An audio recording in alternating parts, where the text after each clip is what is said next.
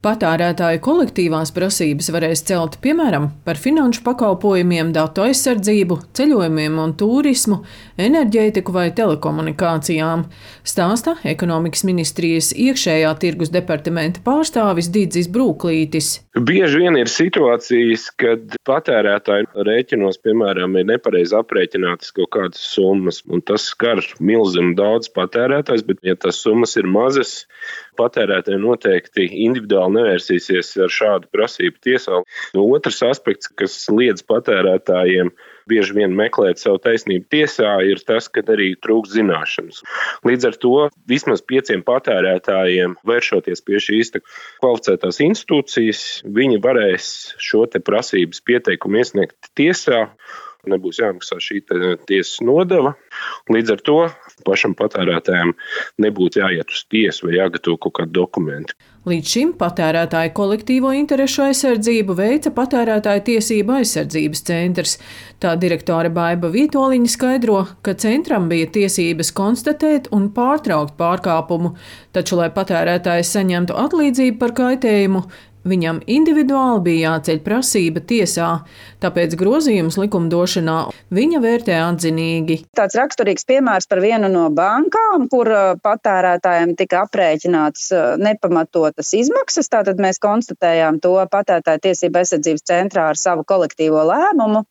Un uh, daļa no patērētājiem vēlējās arī nu, nepamatot iekasēto naudu saņemt atpakaļ patērētāja interešu aizstāvības asociācija pat mēģināja arī vērsties tiesā ar vairāku cilvēku prasībām, bet, diemžēl, bija daudz tādu klupšanas akmeņu, kuru dēļ faktiski tā prasība tiesā nevarēja iziet uh, sekmīgi cauri un nonākt līdz tai lemšanai. Tad, piemēram, šādā gadījumā tas varētu noteikti palīdzēt. Tā skaitā varbūt arī vairāk cilvēku iesaistītos procesā, tātad neļaujot komersantiem iedzīvoties uz nepamatotām summām, kuras uh, faktiski pretlikumīgi tiek iekasētas caur paaugstinātām, piemēram, procentu likmēm vai netaisnīgiem kādiem līgumsodiem vai citām izmaksām. Šādā kolektīvā veidā var šo atlīdzinājumu no komersantiem piedzīt. Tāds izvērtēs tās patērētāju biedrības un institūcijas, kuras varēs iesniegt kolektīvās prasības tiesā. Latvijas patērētāju interešu aizsardzības asociācijas valdes loceklis Andrejs Vanaks stāsta, ka asociācija ir gatava iesaistīties šajā darbā. Daudzas reizes mēs esam redzējuši tās situācijas, kur komersanti pārkāpj likumu un, diemžēl, ir eh, spējīgi paturēt to faktiski nelikumīgu iegūto peļņu. Jā, piemēram, kādā gadījumā banka nepareizi aprēķina procentus patērētājiem, saņem sodu no patērēt tiesību aizsardzības centra.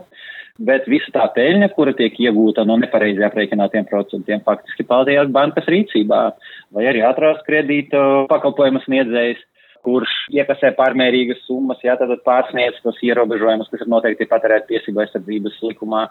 Saņem atkal sodu no patērēt tiesību aizsardzības centra 80-90 tūkstošiem eiro, bet uh, tā gūta peļņa ir mēram miljonos. Tas, kas tiek paņemts no patērētāju kabatas.